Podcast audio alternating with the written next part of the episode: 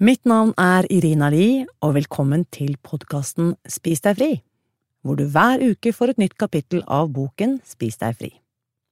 Hvis du vil høre hele boken med en gang, finner du den overalt hvor lydbøker selges, eller på nettsiden spisdegfri.no.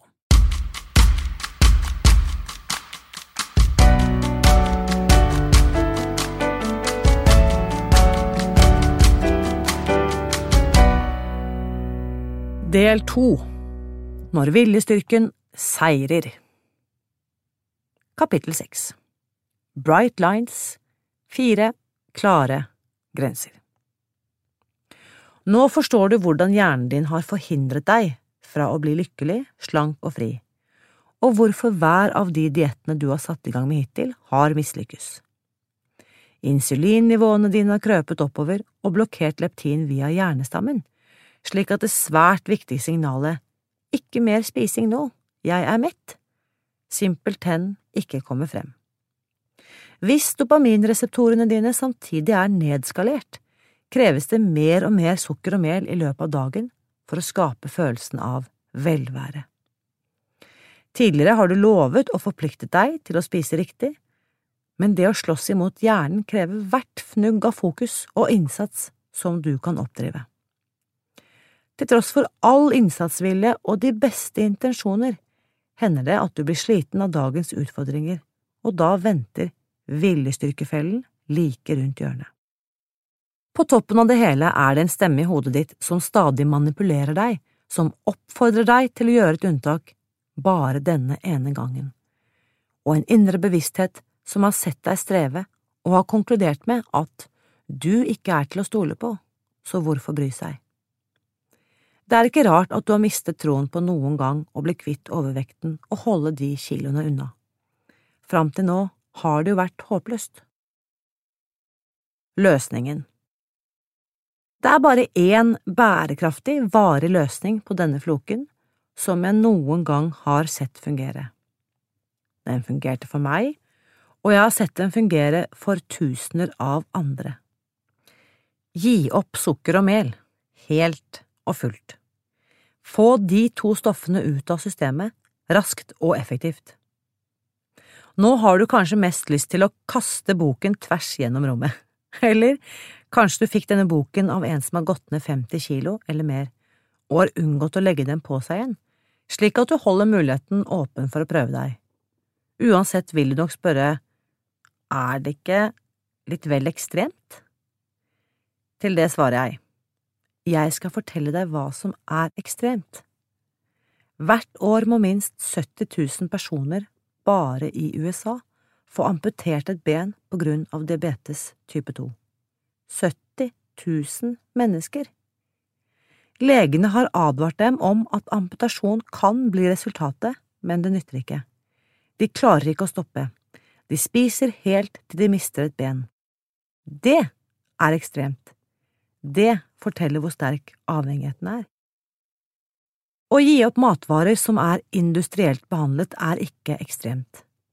Det som er ekstremt, er måten vi som samfunn spiser, og konsekvensene vi er villige til å leve med som følge av det. Selvsagt er svaret å slutte helt. Når noen mister en livsviktig lungefunksjon fordi de røyker to pakker sigaretter per dag, sier vi ikke at de bør redusere røykingen, vi sier de må slutte.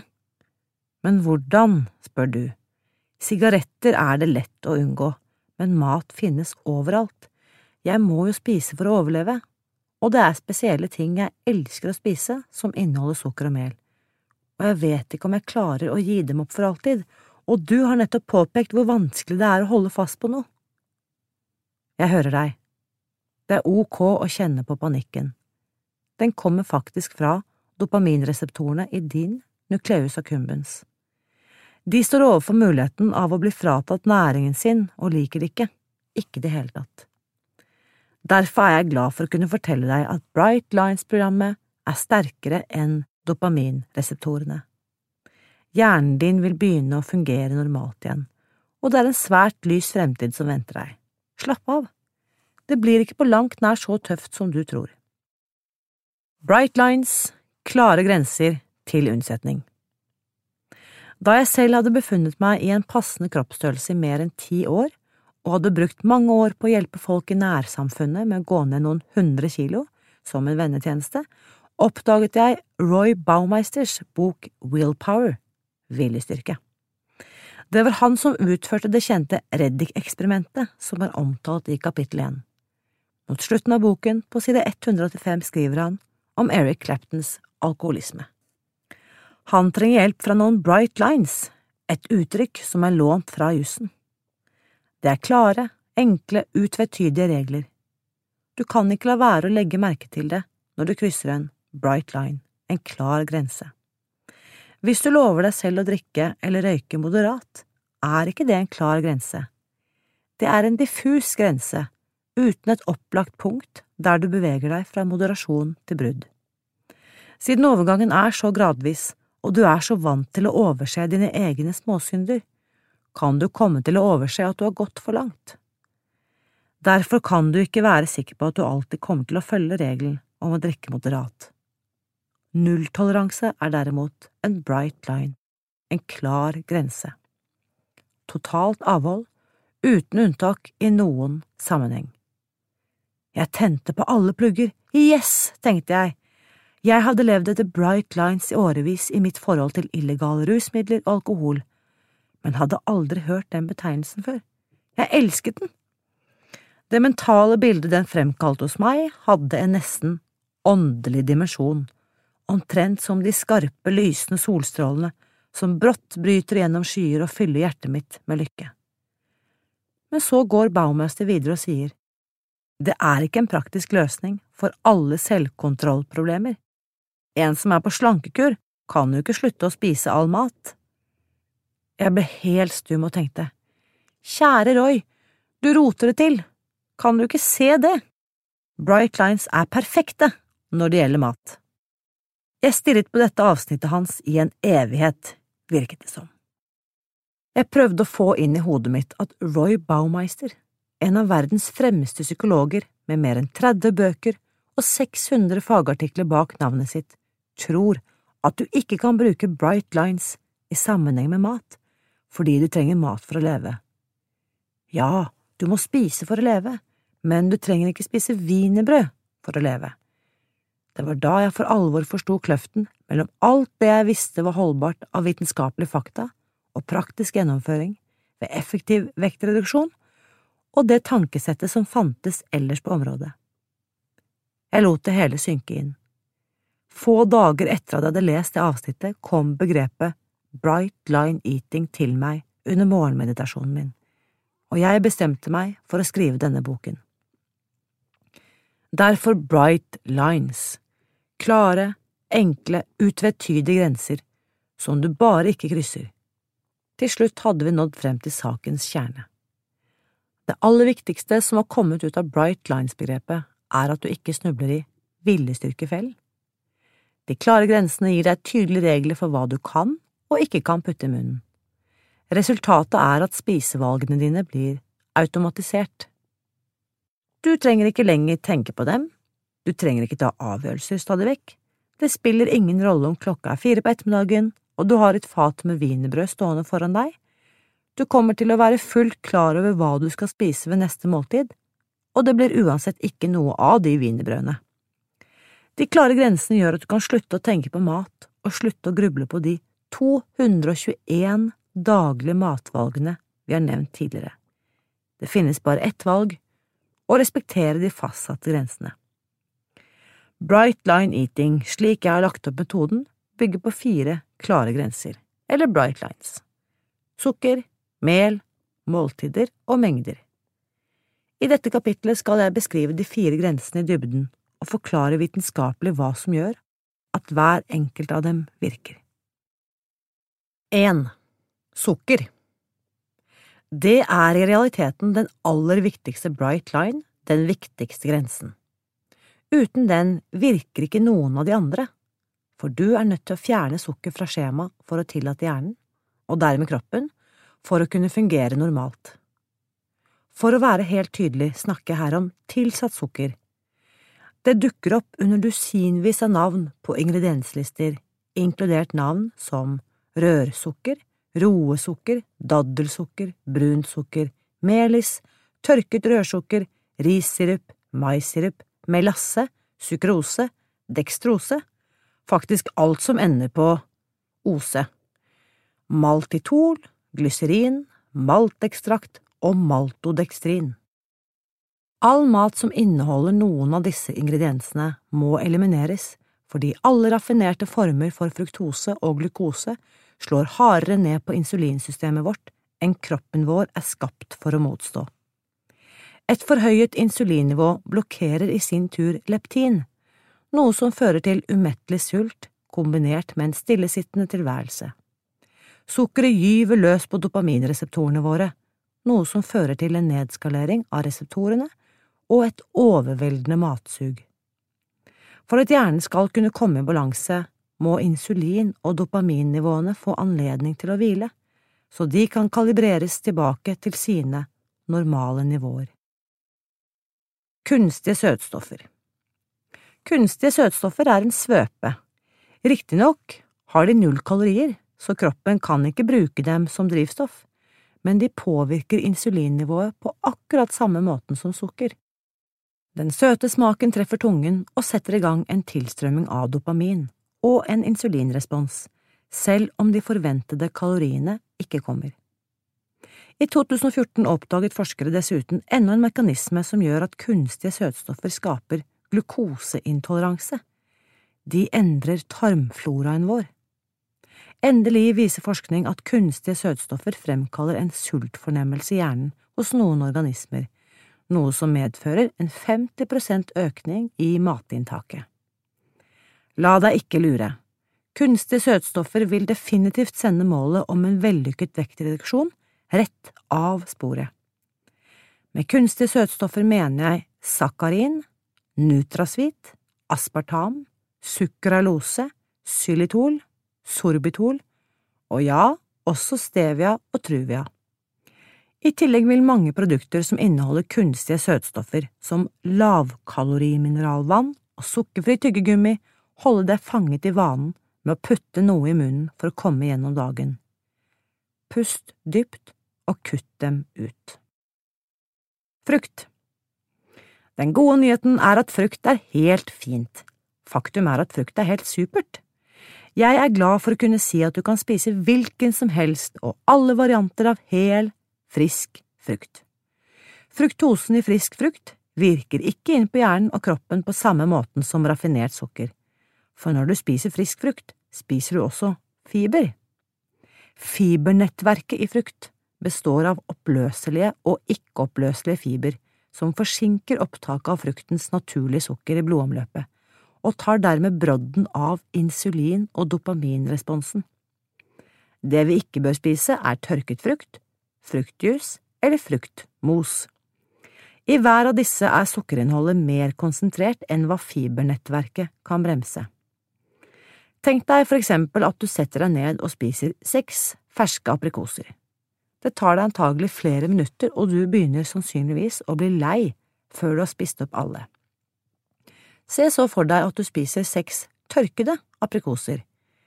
Det kan du gjøre i løpet av sekunder, og det eneste du tenker på er mer. Husk, vi vil holde denne delen av hjernen, dopaminreseptorene, mest mulig i ro. Jeg blir stadig spurt om presset fruktjus og smoothies er tillatt. Svaret er nei. Her er grunnen. Den oppløselige og ikke-oppløselige fiberen i frukt og grønnsaker virker sammen ved å forme en barriere som hindrer fruktose i å strømme raskt gjennom mage- og tarmveggen og ut i blodomløpet. Fiberbarrieren virker omtrent som et skråtak. Den ikke-oppløselige fiberen er ufordøyelig Tenk på den som kvister eller bambus som brukes til hyttetaket. Den oppløselige fiberen oppløser seg gradvis, omtrent som leire eller jord som tetter hyttetaket.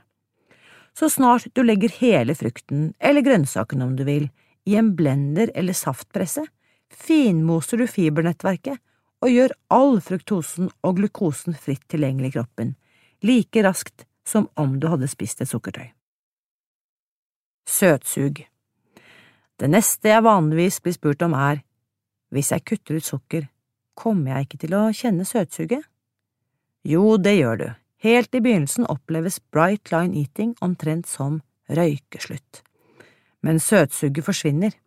Ikke straks, men ved slutten av min åtte ukers bootcamp forteller 84% av deltakerne at de har lite eller ikke noe av matsug i det hele tatt. Noen gang.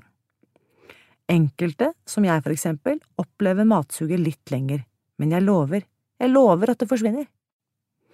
Matsuget er bare et siste forsøk fra din kaprede hjerne på å få deg tilbake til det gamle mønsteret, men du blir sterkere enn som så.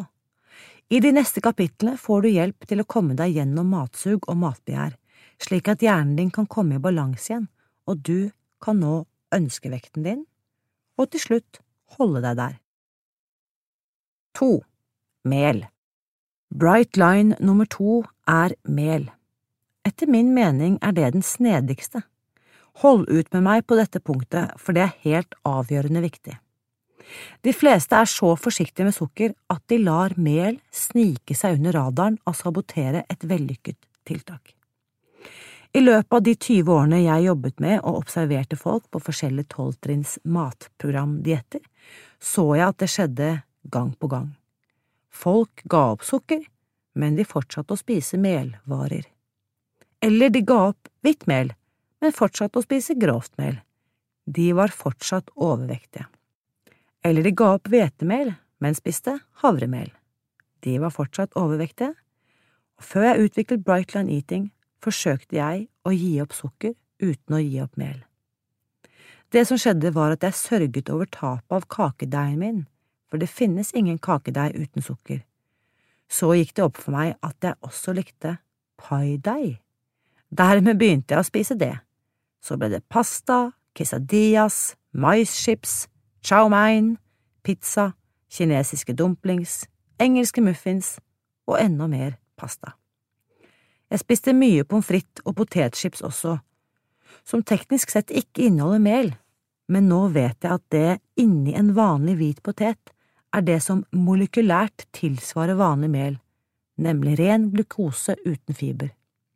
Saken var at hjernen min sendte signal om å øke inntaket av mel for å kompensere for tap av dopamin gjennom sukker, og resultatet var at jeg faktisk gikk opp i vekt. Det er en klassisk feil. Jeg oppfordrer deg til ikke å gjøre den feilen. Vi har ikke forskning på dette området ennå, men jeg tror det er individuelt hvorvidt hjernen foretrekker å få sin fiks fra sukker eller mel. Min erfaring er at omtrent 80% av befolkningen er vesentlig sukkerfokusert. Men den siste andelen av befolkningen, de siste 20 prosentene, innrømmer åpent at de ikke liker søtsaker noe særlig i det hele tatt, men prøv bare å ta fra dem brødet. Disse prosentandelene er basert på løse anslag fra min side, etter å ha arbeidet med veldig mange mennesker. Det hadde vært flott å se en studie på det en gang. Fagkunnskapen om melavhengighet er på startstadiet, vi vet at mel øker insulinnivået, men vi vet ikke sikkert at mel oversvømmer dopaminreseptorene, ennå. Men la meg minne om den lille historien om å pynte opp brokkolien med saus og ost. Ingen har noen gang kjørt ut i regnvær klokka tre om morgenen for å få kjøpt det. Hvorfor er pizza rangert som den absolutte nummer én blant avhengighetsskapende matsorter. Det skyldes melet. Alle typer mel. Som for sukker gjelder grensesettingen for alle typer mel. Det handler ikke om planten, det handler ikke om gluten, det handler om overflate. Når korn blir malt til mel, blir overflaten av hver enkelt partikkel multiplisert eksponentielt prosentvis. Det gjelder også for grovmalt mel. Når den totale partikkeloverflaten øker, får fordøyelsesenzymene våre en festdag gjennom tilgangen til glukose, som blir tilgjengelig veldig raskt og veldig konsentrert. Min venn dr. Alan Christensen hadde en fin analogi for dette fenomenet. Han sa han sammenligner fordøyelsesprosessen vår med is som smelter. Når vi spiser hele korn, for eksempel brun ris, er det som å plassere en svær isblokk i garasjeinnkjørselen for å tine. Den tiner, men sakte, gjerne over flere timer. Når vi derimot spiser rismel av brun ris, kan det sammenlignes med å strø knust is utover en oppvarmet innkjørsel. Iskornene tiner straks. Sukker og mel påvirker kroppen på litt forskjellige måter. Det er grunnen til at det er viktig å gi opp begge deler samtidig. Sukker brytes ned hovedsakelig til glukose og fruktose, mens mel brytes ned til bare glukose. Fruktose kan bare brytes ned i leveren, og det er grunnen til at vi ser så høy frekvens av fettleversykdom i vår kultur. Mel derimot treffer alle cellene våre. Tenk over det. Et totalangrep på kroppen. Tre. Måltider Å kutte ut sukker og mel er en god start, men hvis det er det eneste tiltaket du satser på, er oddsene dårlige for at du skal lykkes over tid. Etter hvert kommer du til å snuble i viljestyrkefellen, og du blir med forsøket. Det er her grensesettingen for antall måltider kommer inn. Når faste måltider blir en del av stillaset du bygger livet ditt på, tar det bort presset fra viljestyrken, i stor grad. Når du legger opp en rutine med å spise tre måltider per dag, til faste tider, frokost til frokosttid, lunsj ved lunsjtid og middag ved middagstid, blir det ikke bare automatikk i å spise de rette tingene, men også i å la være å spise de gale tingene innimellom. I begynnelsen kan det hende du syns det er vanskelig å bryte vanen med å spise mellom måltidene, for du har kanskje ikke vært vant til å prioritere spising til faste tider. Du har antagelig heller ikke spist nok mat til måltidene. Men å følge Brightline-prinsippet med tre faste måltider er en vane som kan etableres ganske raskt og deretter fungerer den helt utmerket. Det kan til og med forbedre tilværelsen for de som er rundt deg. Som nevnt tidligere har vi som kultur tapt begrepet faste måltider. Vi går og beiter hele dagen. Det er knapt noe tidspunkt på dagen da mat ikke er tilgjengelig. Hvis du eller noen av dine kjære er disponert for matavhengighet, slik som de triggersporene rottene vi hørte om, betyr det at hele dagen din fungerer som en serie av signaler av magneter som trekker og får deg til å putte mat i munnen uten at du egentlig er klar over det. Kort sagt, hvis du tillater deg å spise mellom måltidene, er du fortapt. Du blir aldri slank på den måten, eller lykkelig eller fri for den saks skyld. I Bright Line-opplegget inngår tre flotte, rikelige, velsmakende måltider per dag, uten noe som helst imellom. Nå tenker du kanskje, men jeg blir sulten ved firetiden, da må jeg ha en snack. Etter å ha samarbeidet med tusenvis av mennesker kan jeg med hånden på hjertet si at det gjør du ikke. Eller rettere sagt, det kommer du ikke til å gjøre. Så snart blodsukkeret ditt er stabilisert og insulinnivået er under kontroll. Tre måltider per dag kommer til å fungere utmerket. Selv de som starter Bright Line Eating med en hypoglykemidiagnose, finner fort ut at insulinfølingen forsvinner raskt, og at den ikke var forårsaket av en underliggende fysiologisk tilstand, men heller av sukkeret og melet de var vant til å spise. Det finnes situasjoner da flere eller færre måltider per dag kan være aktuelt, men i så fall gjelder grensesettingen fortsatt. Ingen småspising og ingen snacks. Det er kun antallet måltider som varierer. Her er noen eksempler. Da jeg var gravid med tvillinger, spiste jeg seks måltider per dag, men det var måltider som jeg planla ordentlig og spiste med full oppmerksomhet. Tre år senere, da jeg var gravid med bare ett barn, var jeg fornøyd og i fin form ved å spise kun tre måltider per dag gjennom hele svangerskapet. Mens den dagen da jeg klatret til toppen av Half Dome i Yosemite National Park, spiste jeg seks måltider men det var bare den ene dagen. På kortere treningsturer i forkant av den store klatreturen holdt jeg meg til tre måltidsplanen.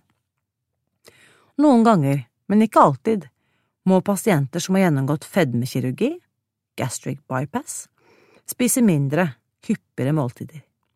Det avhenger av hvor lang tid som har gått siden operasjonen og hvordan kroppen responderer på Bright Line Eating.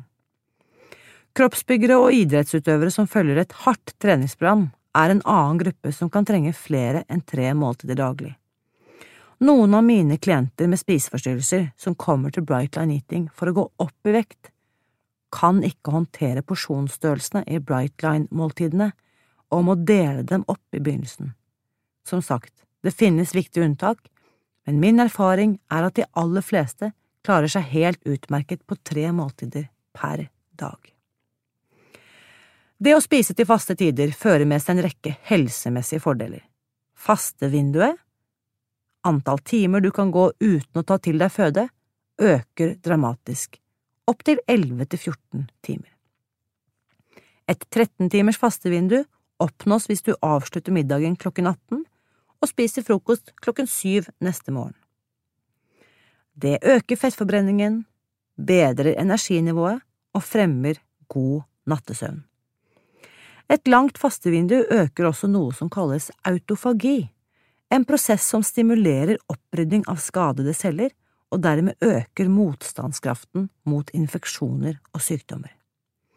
Å spise måltider til faste tider bedrer insulinfølsomheten, senker kolesterolet og fremmer fettforbrenningen.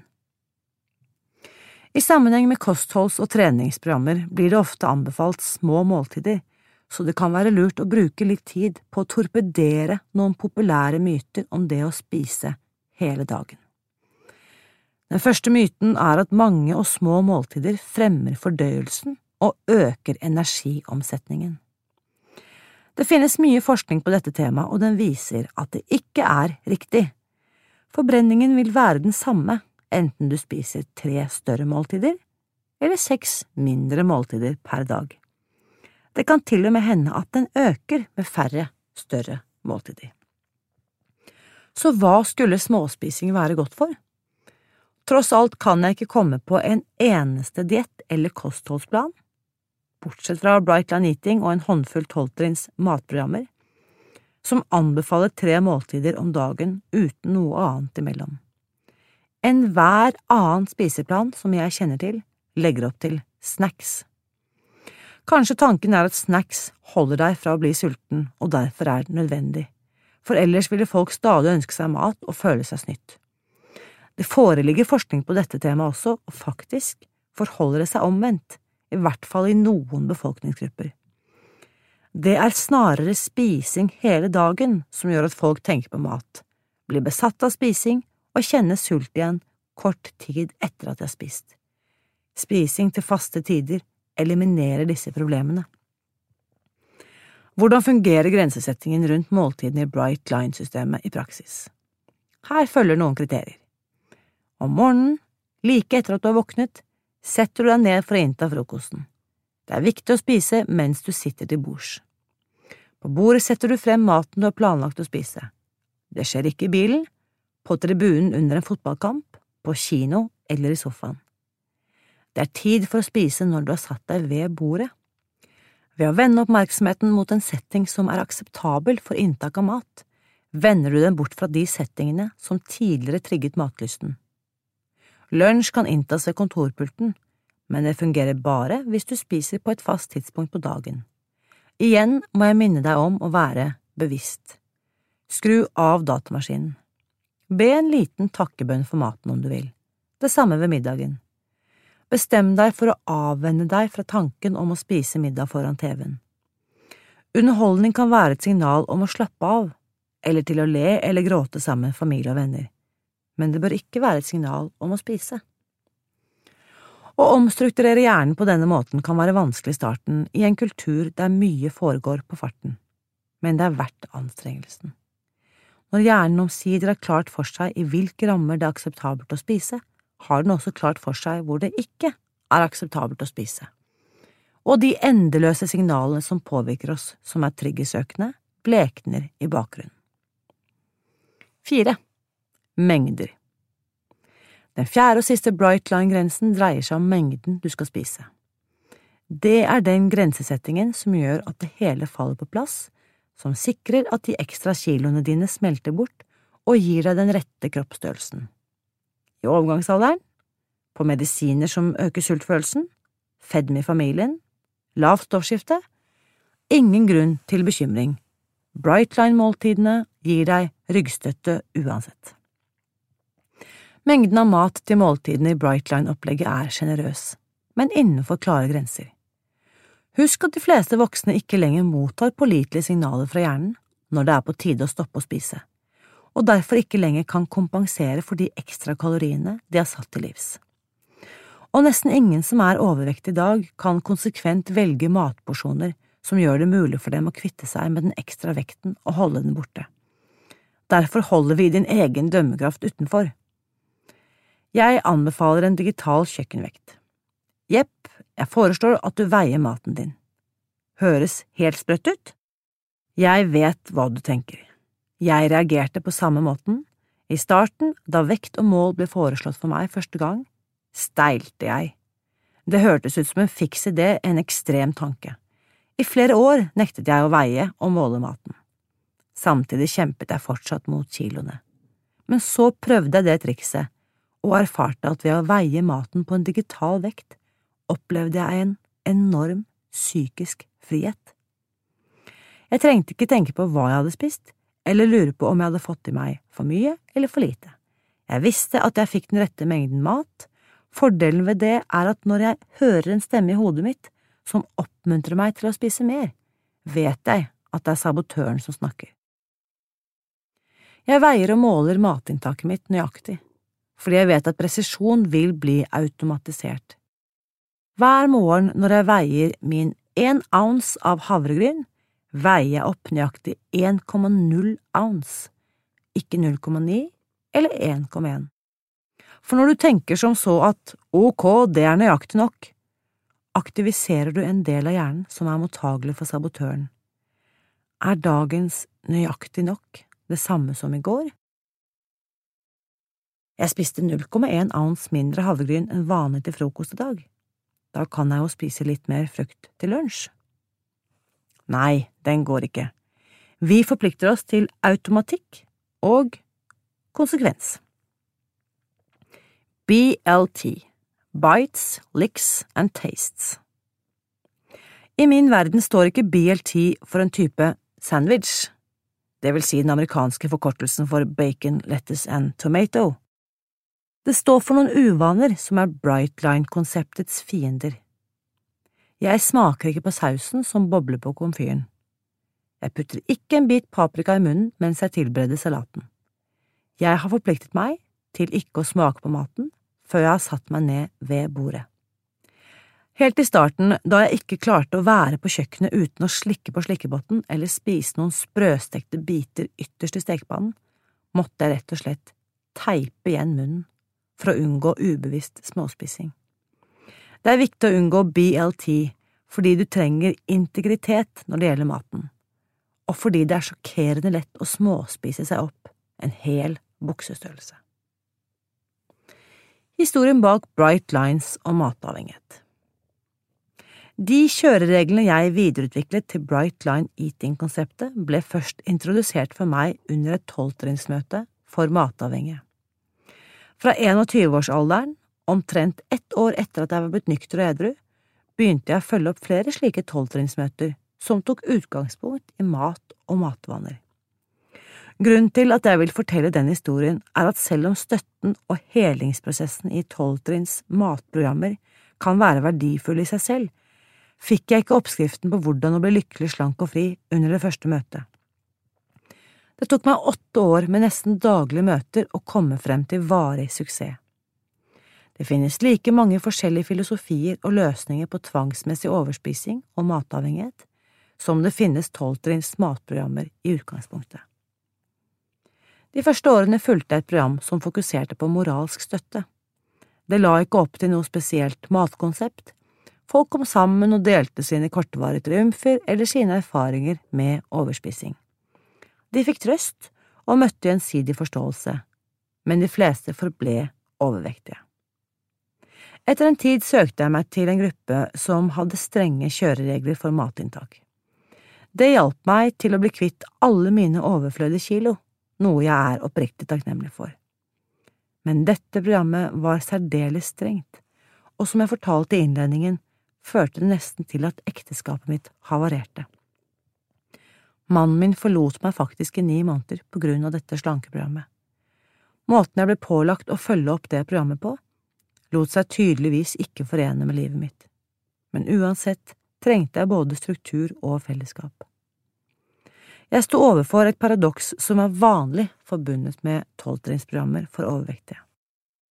Hvis et program er løst nok lagt opp til å ta høyde for en travel tilværelse med småbarn og andre daglige krav, er sjansen stor for at kursdeltakerne ikke klarer å gjennomføre målet sitt. De programmene som ser ut til å føre til vekttap over tid, er de som stiller strenge krav, som er nesten fanatiske i sin tilnærming. Når det er sagt, skal det også sies at når noen er villig til å underkaste seg systemet helt og fullt, da fungerer disse programmene. Men det som virkelig var interessant etter hvert som årene gikk, var noe jeg merket meg i samfunnet i sin alminnelighet.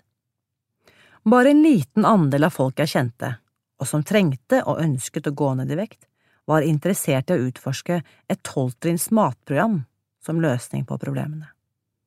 Lenge regnet jeg med at de ville henge seg på, eller fortsette å spise seg gjennom en slitsom tilværelse dersom de ikke kom seg ut av fornektelsen. Men gradvis begynte jeg å se annerledes på det.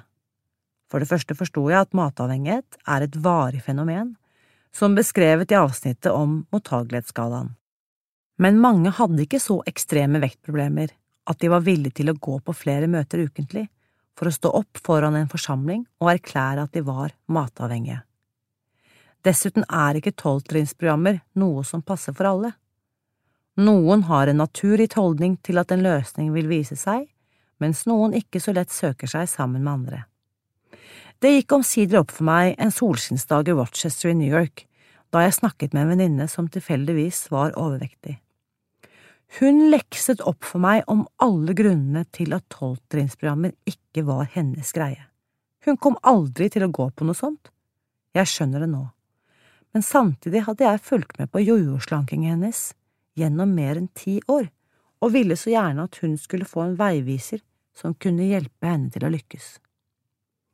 Bright Line Eating ble til fordi det tydeligvis trengtes et alternativ et opplegg som hadde tilstrekkelig struktur til å gi varig effekt, men som var fleksibelt nok til å gjøre det mulig for vanlige mennesker å delta og oppleve suksess.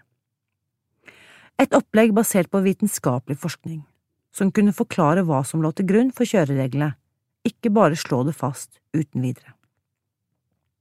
Selvsagt er det mulig for noen å bli lykkelige, slanke og frie ved hjelp av et tolvtrinnsprogram. Det finnes mange av dem, og jeg skal ikke forsøke meg på noe generelt utsagn om hva som virker best, fordi a. Det avhenger av dine konkrete behov, dine preferanser og din situasjon. b.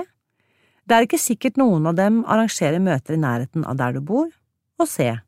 Møtene i ett program kan fungere forskjellig i forskjellige byer. Men jeg kan fortelle deg hva du bør se etter hvis du bestemmer deg for å prøve et av dem. Hvis du møter en gruppe slanke mennesker der, som viser deg bilder fra da de var overvektige, som har glimt i øyet og gjerne vil hjelpe deg i å finne en sponsor, da har du funnet et hjem. Hvis du møter opp og det er mange i rommet som fremdeles er ganske overvektige etter å ha gått på møtene i flere år, er det best du drar videre til et annet sted. Så hva er det da som utgjør forskjellene mellom Bright Line Eating og et tolvtrinns matprogram? Bright Line Eating er basert på fagkunnskap, har et sterkt nettsamfunn av erfarne brukere og driver aktiv forskning for å bidra til en global forståelse av fedmeepidemien. Hvis du scorer ti på mottagelighetsskalaen, kan det hende du opplever fellesskapet i et tolvtrinnsprogram som komfortabelt. Kanskje ønsker og trenger du en sponsor og foretrekker støtte ansikt til ansikt i det aktuelle fellesskapet. Møtene er gratis, dersom kostnadene er hovedproblemet ditt. Du trenger heller ikke velge det ene eller det andre, mange har hatt glede av å delta på begge fronter. Jeg er en sterk tilhenger av støtte og ressurser. Det som fungerer for deg på veien til å bli lykkelig, slank og fri, og til fortsatt å være det videre fremover, er det du skal satse på. Historier fra virkeligheten Ingelill Hatland Brattheim 47 år fra Fiskarstrand, lærer og student. For meg har innføringen av Bright Line Eating-kostholdet medført en dyptpløyende og selvransakende prosess, en reise hvor jeg har blitt kjent med meg selv på nytt.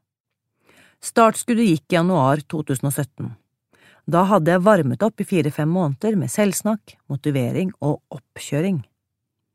At man må la denne tankegangen modnes, tror jeg gjelder for flere, og la det ligge og marinere en stund, før man kan hoppe uti det og gi seg selv fullstendig hen. Som barn var jeg normalvektig. I ungdomsårene dro jeg på meg noe valpefett som forsvant igjen i tyveårene.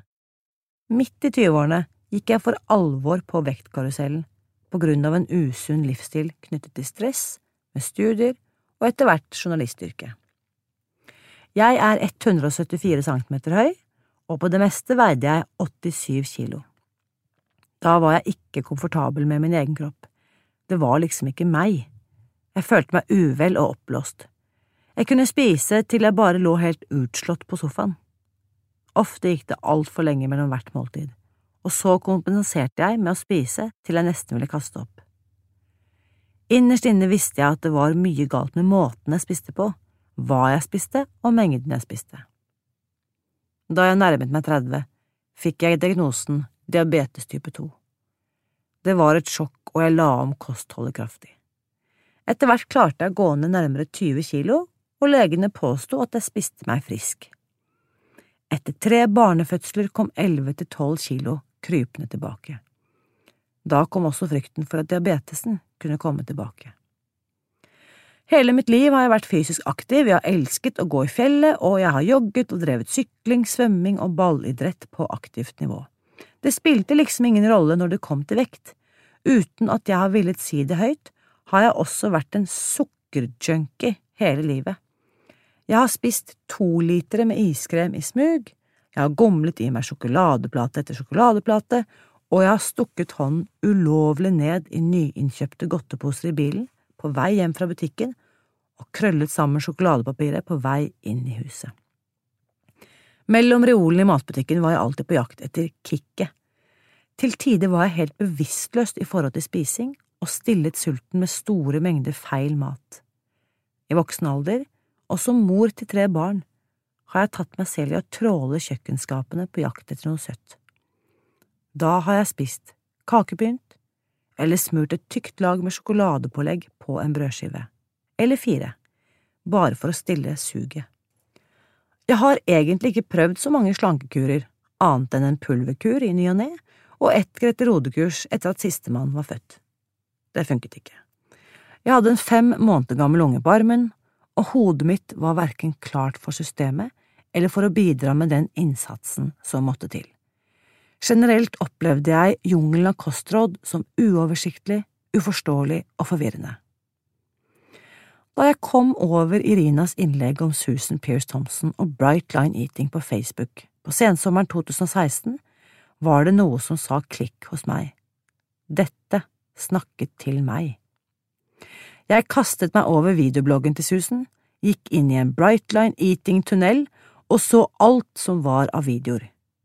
Jeg sto på kjøkkenet med mobilen på mens jeg lagde mat, sugde til meg informasjon og følte mer og mer at dette opplegget var det rette for meg. Det føltes som om Susan snakket direkte til meg, om meg, om sukkersuget, om fiksen, om binge-eating og overspising. Det var jo sånn det var. At Susan også hadde utarbeidet en skala for grader av avhengighet, var interessant. Jeg tok testen og endte selvsagt som en tier på The Susceptibility Scale, mottagelighetsskalaen. Det var i grunnen det første steget for meg, å innse sannheten, og erkjenne for meg selv at sånn er det. Jeg er en tier, jeg er avhengig. Det er noen som har satt ord på det, jeg er en sukkerjunkie. Med dette nye tankesettet var det som om noe i meg slappet av. Jeg senket motstanden og ga meg hen. Jeg forsto at Bright Line Eating var noe jeg måtte prøve. Riktignok måtte jeg helt ned i sukkerkjelleren før jeg var klar. Da hadde jeg kjempet meg gjennom jul og nyttår helt uten sukker, uten å begynne med Bright Line Eating for fullt. Så kom sprekken. Etter nyttår!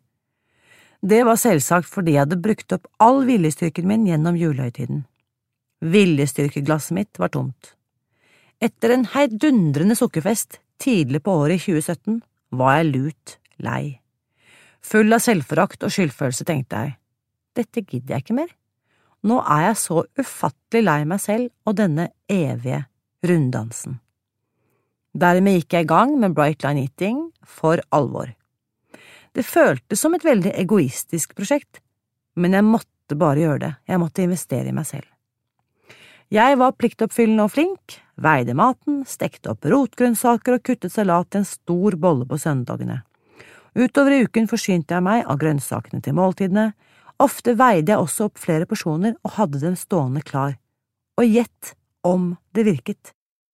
Etter drøye seks måneder hadde jeg gått ned alle de ønskede 16 kiloene. I denne perioden hadde jeg kjempet meg gjennom kvelder med sult. Noen ganger la jeg meg tidlig for å slippe å krangle med sultfølelsen. Men etter hvert ble denne måten å spise på et mønster som kroppen godtok. Den 24. august 2017 var jeg i Oslo for å være til stede da førsteutgaven av den norske oversettelsen, Spis deg fri, ble lansert. Jeg var hoppende glad for akkurat på denne dagen hadde jeg nådd målvekten min. Jeg var happy thin and free, lykkelig slank og fri. Drøyt ett år senere ser livet mitt slik ut. Jeg er automatisert, jeg spiser tre måltider, ingenting imellom, og ikke mer enn det jeg har målt opp. Det fungerer aller best når jeg ligger i forkant og lager store porsjoner salat og rotgrønnsaker i helgen, som jeg forsyner meg av utover uken. Jeg skal ikke si at det ikke har vært glipper, dem har det vært flere av, men de blir kortere og kortere. Det blir aldri slik som i mitt forrige liv. Jeg kjenner hvor latterlig dårlig jeg blir av NMF, Not My Food. Gjennom glippene har jeg også lært mer om meg selv. Jeg vet hvilke livssituasjoner eller stemninger og settinger jeg må passe meg for. Jeg vet når jeg er troende til å skli ut. For meg har middagene vært det mest utfordrende. Hvis jeg ikke har gjort klar middagen min på forhånd, kan jeg bli et lett bytte for større porsjoner enn tilmålt. Da kan det også snike seg noe NMF som ikke skulle vært der. Overgangen til vedlikeholdsplanen har vært krevende. Først gikk jeg ned til 68 kilo. Senere har jeg valgt å gå litt opp. Jeg synes rett og slett jeg ble litt for tynn, og valgte å justere opp målvekten min med to kilo. For meg har det vært vanskelig å treffe nøyaktig på målvekten, som for meg er 70 kilo. Det er som om kroppen vil videre opp. Likevel er jeg der jeg skal være. Det handler faktisk ikke så mye om vekt lenger, det handler mer om selvrespekt, integritet og velvære i egen kropp. Jeg stortrives med å ha kontroll over meg selv og matinntaket mitt. Jeg er sjefen, og det er utrolig deilig. Jeg vet hva jeg skal spise, når og hvorfor. Jeg skal aldri tilbake til bevisstløs, ødeleggende overspising igjen. Motto, slagord eller mantraer har vært veldig viktig for meg på min reise. På veggen i klesrommet mitt henger det to plakater. På den ene står det 70 kilo. På den andre har jeg ramset opp følgende motor. Jeg drikker te om kvelden. Jeg gjør det jeg sier, og sier det jeg gjør. Jeg stoler på meg selv. Og A thankful heart won't overeat. Disse slagordene gjentar jeg for meg selv inni meg. Jeg snakker Bright Line Eating til meg selv, med meg selv. Hvis du står på terskelen og veier for og mot, kanskje fordi du tror at du ikke vil klare å veie maten din, eller fordi du ikke forstår hvordan du skal kunne kombinere dette kostholdet med et vanlig familieliv, Tro meg, det går. Når familien spiser fredagstacoen, velger du bort tortillaene og tacoskjellene og spiser grønnsaker og oppveid mengde kjøttdeig. Er det lørdagspizza, kan du lage din egen variant med kjøtt og revet ost på aubergine istedenfor på meldeig. Når du spiser frokost på hotell, velger du egg som protein, pluss korn og frukt. Til venninnene dine tør du etter hvert si at du ikke spiser sukker og mel. Med tiden vil du oppleve økt mestring og få mer selvtillit, tillit til deg selv. Lykke til! Har du noen spørsmål etter dagens episode? Da vil jeg invitere deg til å bli med på min faste livesending på Facebook-siden Spis deg fri, onsdag klokken ett, hvor du kan få svar på direkten. Helt til slutt, mitt motto er at gode nyheter er skapt for å deles. Du kan bidra ved å abonnere på denne podkasten og dele den med dine venner. Neste episode kommer neste søndag.